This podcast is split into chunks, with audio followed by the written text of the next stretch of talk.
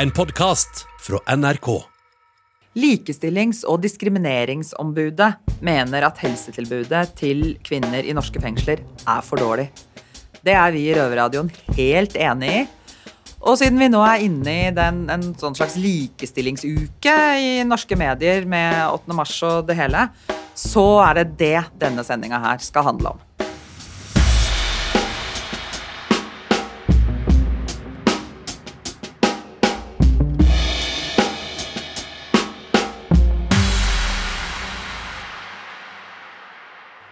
Jeg heter Maiken, eh, og jeg eh, har vært eh, på Røverradioen før, fra Bredtvet-redaksjonen.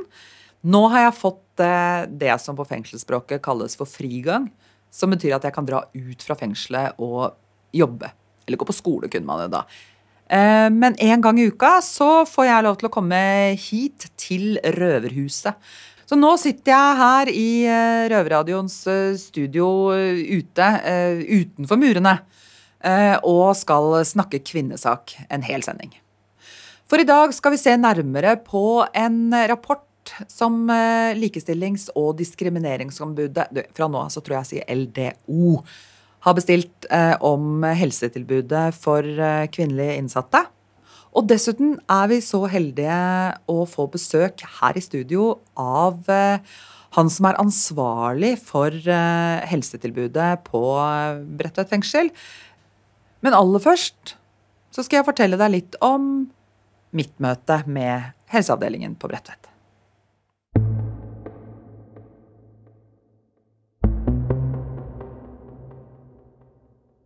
I årene før straffesaken min, etter en runde på knærne i ymse hjelpeapparat og sykemelding fra legen for store livsbelastninger over tid, ba jeg om en henvisning til DPS. Etter en runde der ble jeg henvist videre til behandling hos såkalt avtalespesialist. Det er også en sånn vanlig psykolog. Det tok 18 måneder med søking og avslag å få plass og starte hos henne. Og så skulle jeg inn til soning. Psykologen min tok kontakt med kriminalomsorgen for å sjekke om vi kunne videreføre behandlingen mens jeg sona. Dette var jo under pandemien, så både psykologen og jeg hadde fått erfaring med videokonsultasjoner og sånn. Men det var ikke mulig. Herfra var det helseavdelingen i fengsel som hadde ansvar for meg og skulle behandle meg. Så jeg søkte helseavdelingen og måtte vurderes på nytt. Og fengselspsykiatrisk poliklinikk konkluderte med at jeg ikke var behandlingstrengende, og dermed ikke hadde pasientrettigheter hos dem. Det var jo en annen konklusjon enn DPS hadde kommet fram til, men sånn var det. Nå, et drøyt år etter, skal Nav bistå i tilbakeføringen av meg. Og som ledd i dette ønsket Nav en helsevurdering fra fastlegen, altså fra fengselslegen. Men da jeg spurte om det, svarte helseavdelingen at de hadde nok ikke nok kunnskap om meg til å gi en sånn erklæring. Så da måtte jeg spørre fastlegen, sa de. Og fastlegen min da er jo rent formelt fengselslegen, men jeg skjønte jo at de mente fastlegen utenfor.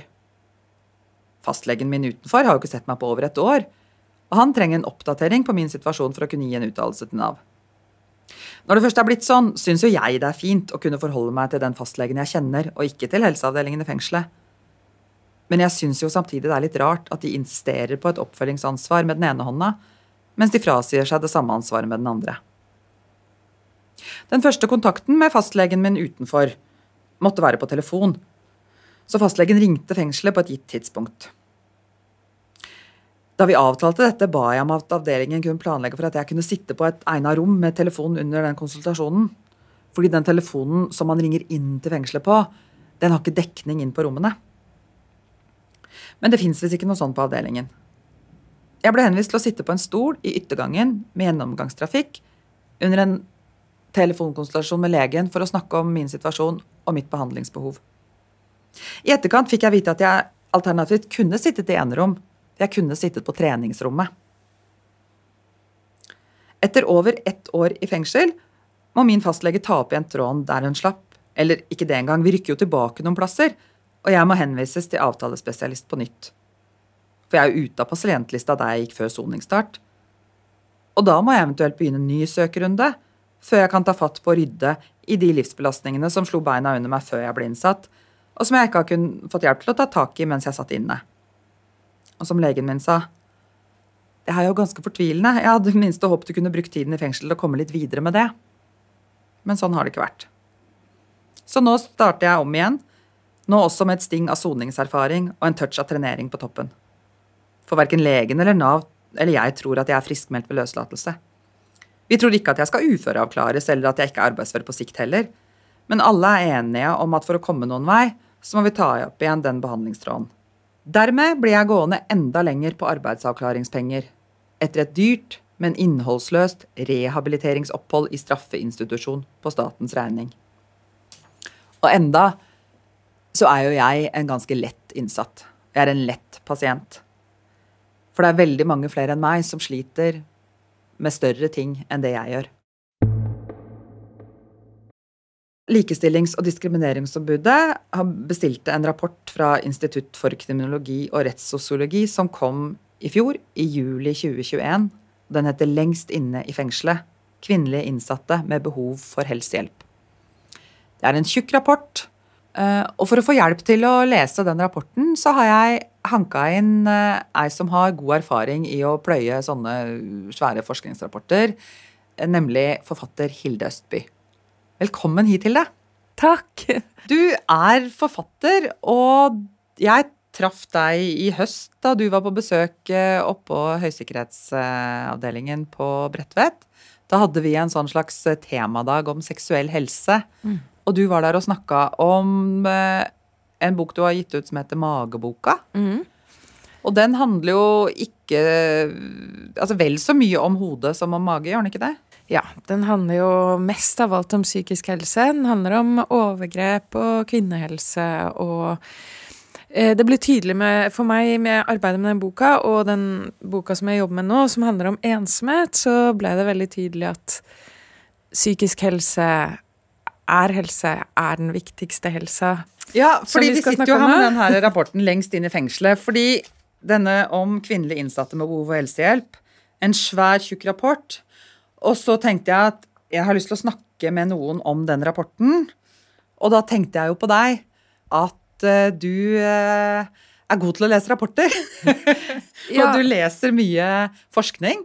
Ja. eh, og er opptatt av dette med kvinnehelse. Så nå har du lest den, Ja. og hva sitter du igjen med? Ja, altså det er jo ikke noe overraskende resultater for meg, egentlig. Ehm, det som ble tydelig, er jo at de tingene som er ille utenfor fengsel, blir virkelig forsterket i fengsel. Ja.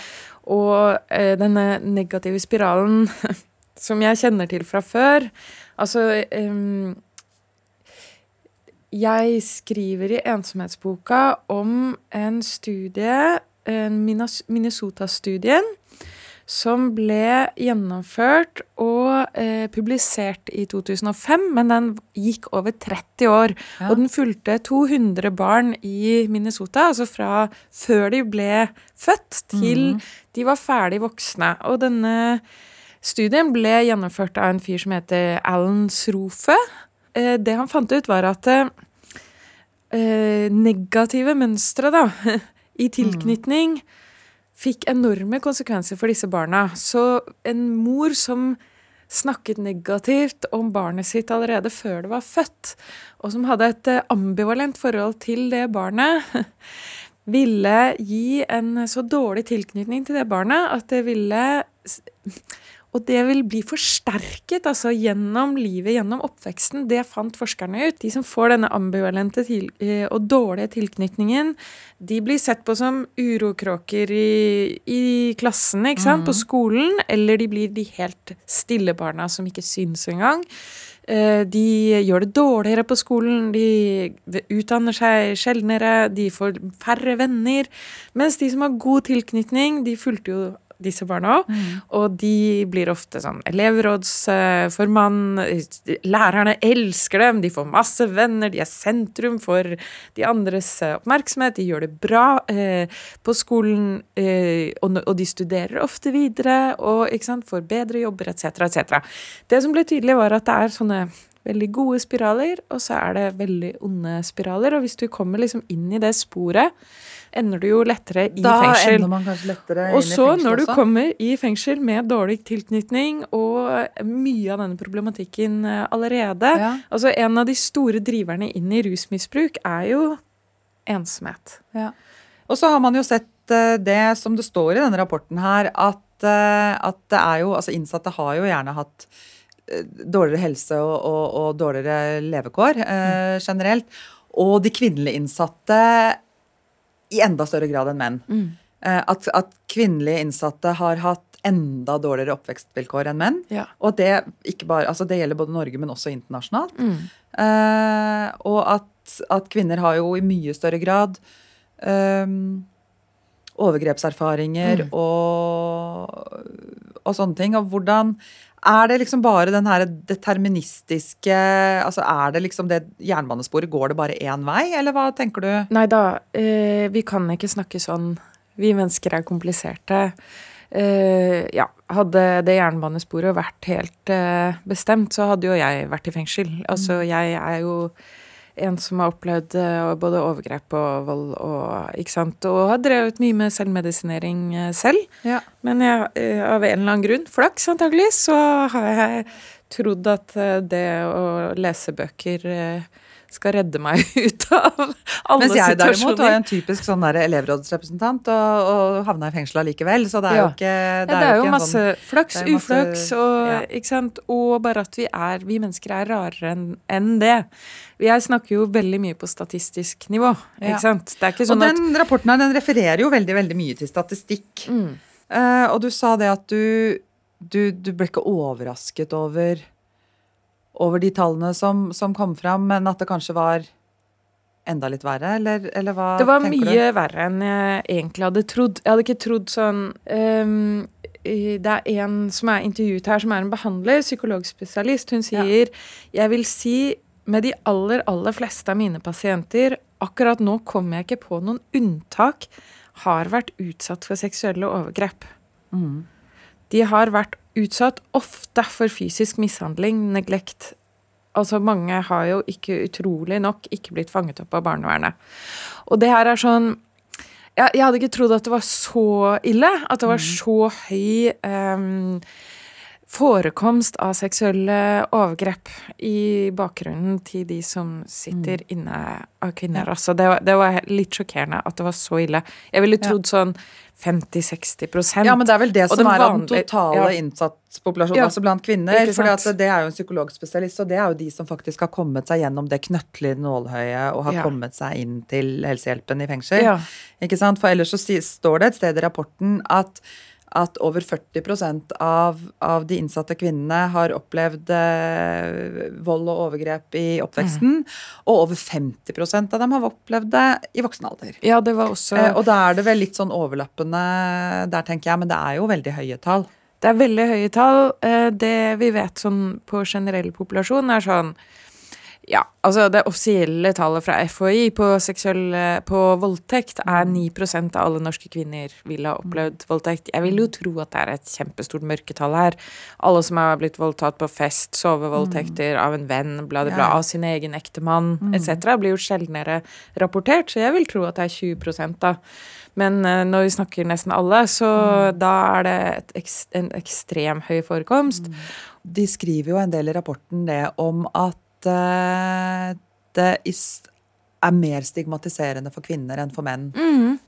Altså Blir det på en måte en ekstra straff, da? Ja, det gjør det nok uh, også, ja. Det går helt på tvers av kvinnerollen.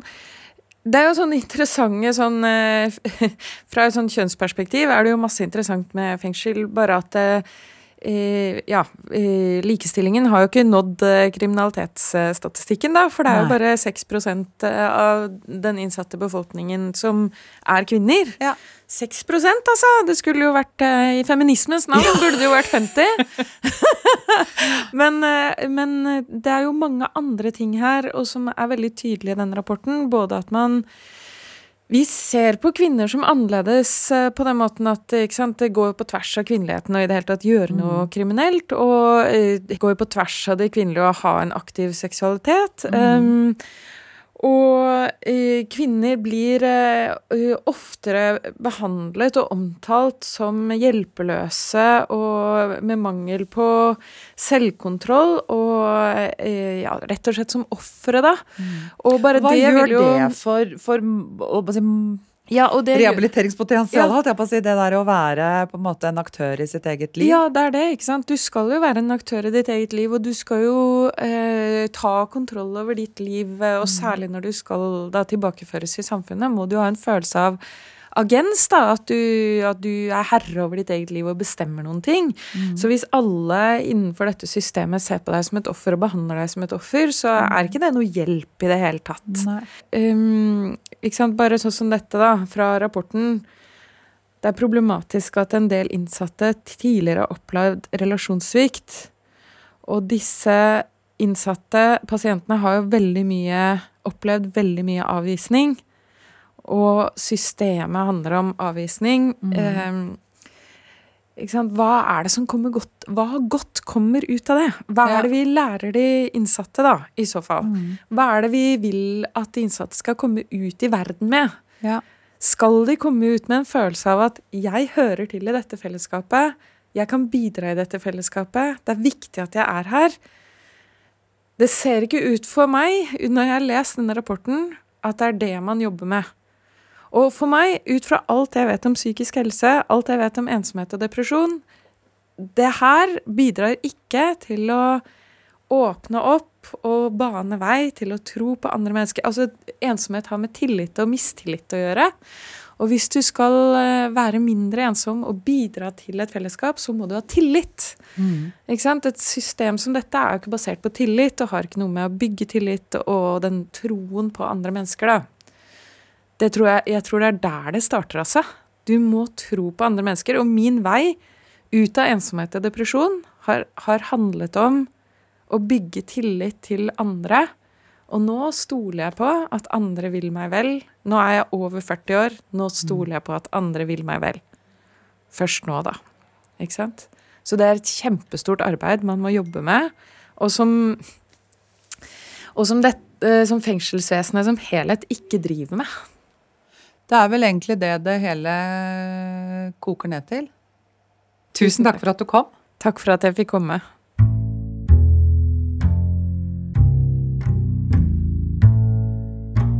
Innsatte i norske fengsler lager radio. Du hører Røverradioen i NRK P2. Men det er jo ikke bare psykiske plager eh, som er utfordringen når man sitter eh, i fengsel. Eh, Det kan jo være helt sånne banale oppfølging av egen helse som man eh, kan drive med. På utsida så blir jo vi damer over en viss alder innkalt til ganske jevnlige celleprøver, som det heter, hvor man tar, tar celleprøve da fra livmorhalsen for å avdekke forstadier til kreft og sånn, f.eks. Og jeg har snakka med flere, sona sammen med flere, som opplever at de ikke har fått den type oppfølging eh, på innsiden.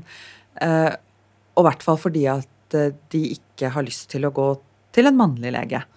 De har lyst til å henvises ut, enten til en kvinnelig lege eller til en gynekolog.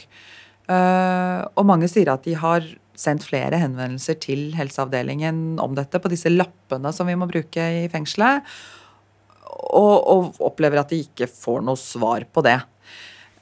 Og jeg har lyst til å snakke, altså Vi har jo lyst til å finne litt ut av hvordan det egentlig er det her helseopplegget fungerer. Eh, og, og når det har vært klaget på det fra innsatte til fengselsledelsen, så får man jo svaret at det er ikke kriminalomsorgens ansvar, det er bydelens ansvar. Så nå har jeg fått tak i eh, bydelen. Altså mannen som sitter og, og egentlig har ansvaret for eh, de helsetjenestene som leveres inn til Bredtvet fengsel. Det er Magne Mostu, som er seksjonsleder for psykisk helse og rus i bydel Bjerke, og som sitter med ansvaret for å levere helsetjenester til Bredtvet fengsel. Vi får jo, når vi med, sitter i fengselet og snakker om helsetilbudet, så får vi gjerne svar fra, fra fengselsledelsen om at det er ikke kriminalomsorgen, det er bydelen. Så derfor har vi hanka inn fra bydelen Du kan vel si kanskje selv, eh, Magne, hvem du er og hvor, hva du gjør? Ja, eh, jeg heter Magne Mostu, og jeg er seksjonssjef for psykisk helse og rus i bydel Bjerke. Eh, Det er den bydelen hvor Bredtvet kvinnefengsel ligger i.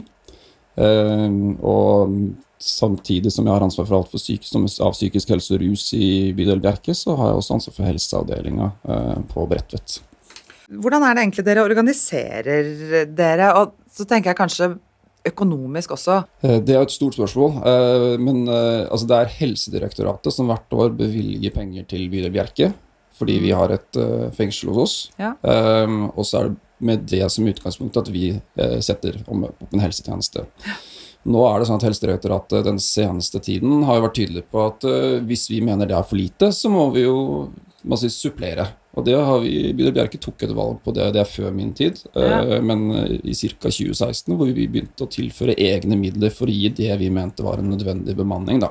Ja. Så Helsedirektoratets midler har ikke strukket til på eh, ja, i hvert fall eh, seks år. Eh, Så dere bruker på en måte av, egentlig av bydelens øvrige midler da, som til, til eh, å, å ha det dere tenker er en forsvarlig helsetjeneste? Helt klart. Eh, og så er det slik at eh, heldigvis så har vi et eh, litt rausere byråd nå, som tydeligvis har kommet på at de har noen fengsler i Oslo. Ja. At det ikke er noe nytt. Så fra og med i fjor så fikk vi et lite tilskudd, altså en stau av 400 000 ekstra. Så da er vi sånn cirka, da har vi gått fra et minus til å være sånn cirka i null, da. Når vi snakka sammen litt i forkant av dette her, så, så kom det jo også fram noe som jeg tenkte at det burde jeg jo skjønt, men som jeg bare aldri helt hadde kobla. Mm. og det er jo også litt sånn Altså mye av, av problematikken i helse handler jo om, om psykisk helse. Ikke sant? Og tilbudet om psykisk helse. Og jeg tenkte jo også da at ja, ja, du kommer jo fra seksjon for psykisk helse og rus, ikke sant. Og så plutselig bare sånn Nei, men, men psykologtjenester og sånt, og det er jo spesialisthelsetjeneste. Helt riktig. Og Så det, kommer liksom fra et annet sted. Det er helt riktig. Det er Oslo universitetssykehus, eh, fengselspsykiatrisk poliklinikk, som tilbyr det. Og det er jo den splitten som vi har ellers i samfunnet, for den Ja. helsetjenesten her skal jo eh, representere hvordan det er ellers i samfunnet. Ja, det er det som, som er den derre normaliseringsprinsippet som man har snakket om. Så det ligger i bånn i alt dette her. Eh, Men greia er at på lik linje med at man går til fastlegen sin og får en henvisning til psykolog, så er det jo det som skjer i fengselet også. Du, ja, så jeg har lyst til å, å snakke om Jeg skjønner at du har jo ikke jobbet i den avdelingen i den stillingen din siden tidenes morgen, så ting har skjedd før, eh, før din tid. Men Mm. nå er det nå engang du som sitter eh, Sitter på toppen og er ansvarlig, da, så da, kan jeg, da er det deg jeg må spørre. Ja, og det er jo rett og slett det at uh, At man på et kvinnefengsel, i et kvinnefengsel har en mannlig fastlege. Mm. Uh, og, og det kommenteres jo i alt som er av rapporter. ikke sant? Og Mm. tilbake til, til 2016 så ble det jo påpekt av, av Sivilombudsmannen at det er Stemmer. uheldig at det er den. Og så lurer jeg på hvordan tenker dere og så vidt, Nå er jeg ikke 100% sikker, men så vidt jeg har fått med meg og klart å bringe på det rene, så har også den legen som sitter der nå, han kom etter 2016. Sånn at han ble ansatt etter at det var påpekt fra Sivilombudsmannen. Og da lurer jeg litt på er det, Hva er det som er grunnen til at, at det ansettes en mannlig mannlig fastlege, og hvordan tenker dere rundt den problematikken? Ja. Altså, jeg skal ikke jeg, for Det sjekka jeg ikke opp før jeg kom hit, Nei. men jeg tror ikke det stemmer at han er ansatt etter den rapporten. For det er vel nettopp han som påpekes på, men det, skal, det kan jeg jo sjekke opp Ja. i etterkant. Men, eh, men Men uansett, hvis vi regner med at det er han, da, så, så lurer jeg på liksom, For det er, jo, det er jo nå snart åtte år siden. mm, Uh, og, og jeg vet ikke altså, Uten at folk skal få sparken, liksom, så, så tenker jeg at det er vel noe med at folk kan omplasseres sånn. Altså, hvorfor, hvorfor er det fortsatt en mannlig fastlege på Bredtvet? mm. Nei, altså det, Dette her er jo en verkebyll for oss. Jeg tror det er Mm. en forskjell på de som eh, si, kan peke på kartet, sånn som Sivilombudsmannen gjorde i 2016, og vi som må forholde oss til terrenget. Da, ikke sant? Eh, det, altså, det, er en, det er en problematikk vi er var på. Vi har jo, som du vet, alle de andre ansatte er jo kvinnelige. Ja. Eh, men det er på en måte Vi trenger jo å få rekruttert gode eh, leger for å få de inn. Eh, vi har jo en ekstremt dyktig lege der nå. Eh, og så skjønner jeg at det er ting knytta til kvinnehelse som det er selvfølgelig at vi skulle ønske å kunne gi. Altså, som Sivilombudsmannen sier, så bør vi kunne gi tilbud om en kvinne til de som ønsker det av en eller annen grunn. Ja. Og vi gjorde for eksempel, for å ta et konkret eksempel, så gjorde vi et forsøk for de, sånn som skjer i en bydel. da, Eh, Så bare sånn, ok, nå fikk dere ansvar for helseavdelinga på Refstad transittmottak. Da var det vi gjorde da, og gikk aktivt ut for å eh, søke etter en kvinnelig lege, ikke sant. Eh, fordi vi tenkte ok, da kan vi få til en eller annen eh, si, overlapp her, hvis det var behov, ikke sant. Da har vi to helseavdelinger i min avdeling.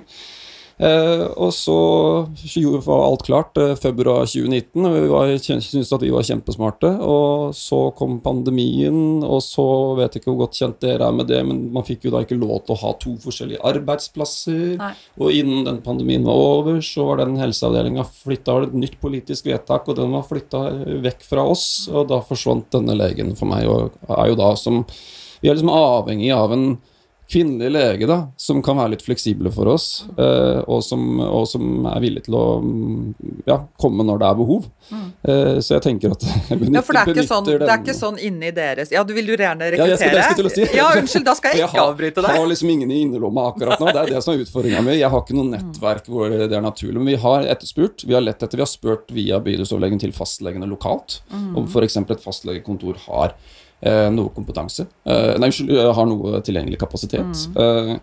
eh, og har ikke fått noe napp på det. Eh, så hvis det er noen eh, kvinnelige leger eh, som sitter og lytter på Røverradioen, så ber jeg dem om å ta kontakt med meg.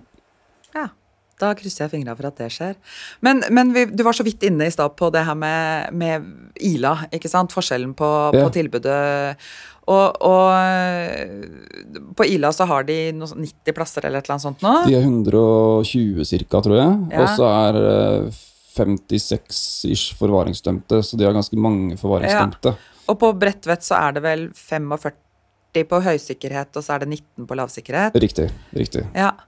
Så det er jo ja, ca. dobbelt så stort, da. Det er det. Men det du sa der, at, at hvordan opplever du at tilbudet er der? Nei, Jeg opplever at det er en helt annen, altså en helt annen form for tilbud. Det er mer konsentrert, og man skiller jo ikke minst av de som er forvaringsdømte, som kanskje trenger en viss uh, annen type oppfølging enn uh, de som er høy sikkerhet eller lavsikkerhet, uh, fra hverandre.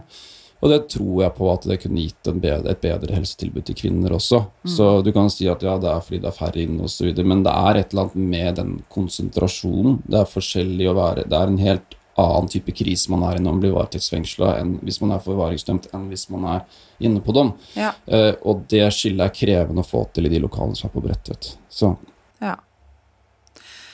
Da skriver vi, setter vi to streker under det ønsket. Tusen takk, eh, Magne, for at du tok deg tid til å komme hit til Røverradioen og snakke med oss. tusen takk, det var veldig hyggelig.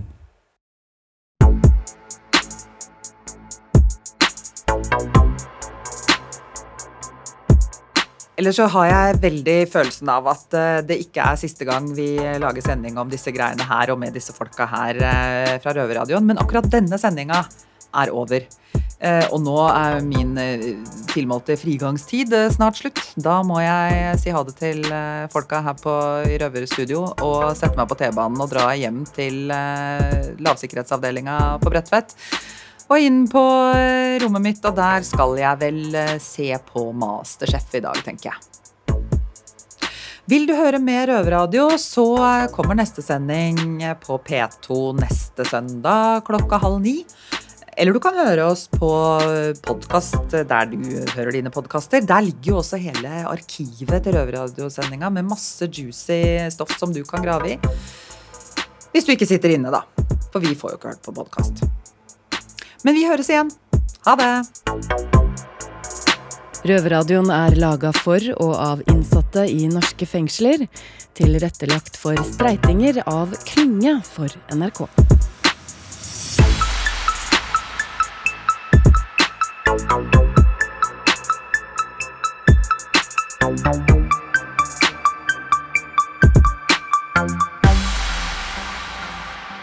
Du har hørt en podkast fra NRK.